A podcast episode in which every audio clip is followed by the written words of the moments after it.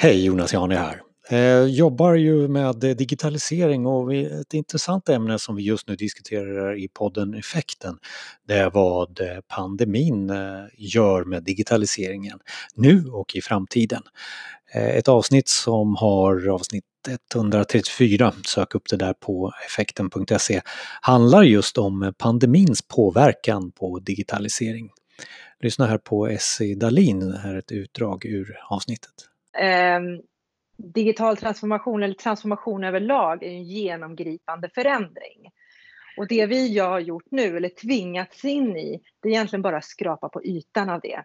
Vi har sett många bolag tvingats in i att använda eh, videomöten och så vidare. Eh, de har kunnat, eh, eller upptäckt själva fördelar med att faktiskt jobba hemifrån i en större utsträckning. Eh, men också vad den digitala tekniken kan med, medföra. De har upptäckt, eh, om man har nu Zoom eller eh, Google G Suite eller Microsoft-plattformen så har man upptäckt olika funktioner, man börjar experimentera mer med den typen. Men vi får inte glömma ändå att det är väldigt mycket som inte har hängt med. Det är många som kan sitta och hålla sina videomöten hemma men som inte kan komma åt viktig information eller de verktyg man behöver för att göra sitt dagliga arbete. Vi pratar om eh, avsaknad av VPN, vi pratar om kanske icke-kryptering, eh, eh, att man inte har genomfört informationsklassningar, så man vet inte vilken information som, som får finnas var.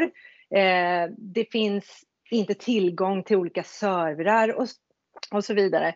Så att det, vi är ganska, en, en transformation, nej, men, men vi har det har gått fort vad gäller spridningen av, eh, av mer lättanvända verktyg. Eh, men vi har fortfarande en resa att göra. Men jag hoppas att det här kan, har öppnat ögonen för många för att man faktiskt kan jobba på distans på ett annat sätt. Mobilitet är en annan sak också. Eh, att man faktiskt ser att om vi bara skulle kunna göra det här, då skulle vi eh, kunna vara ute på fältet och få informationen direkt där i, i, min iPad eller en annan platta till exempel. Så det är både och.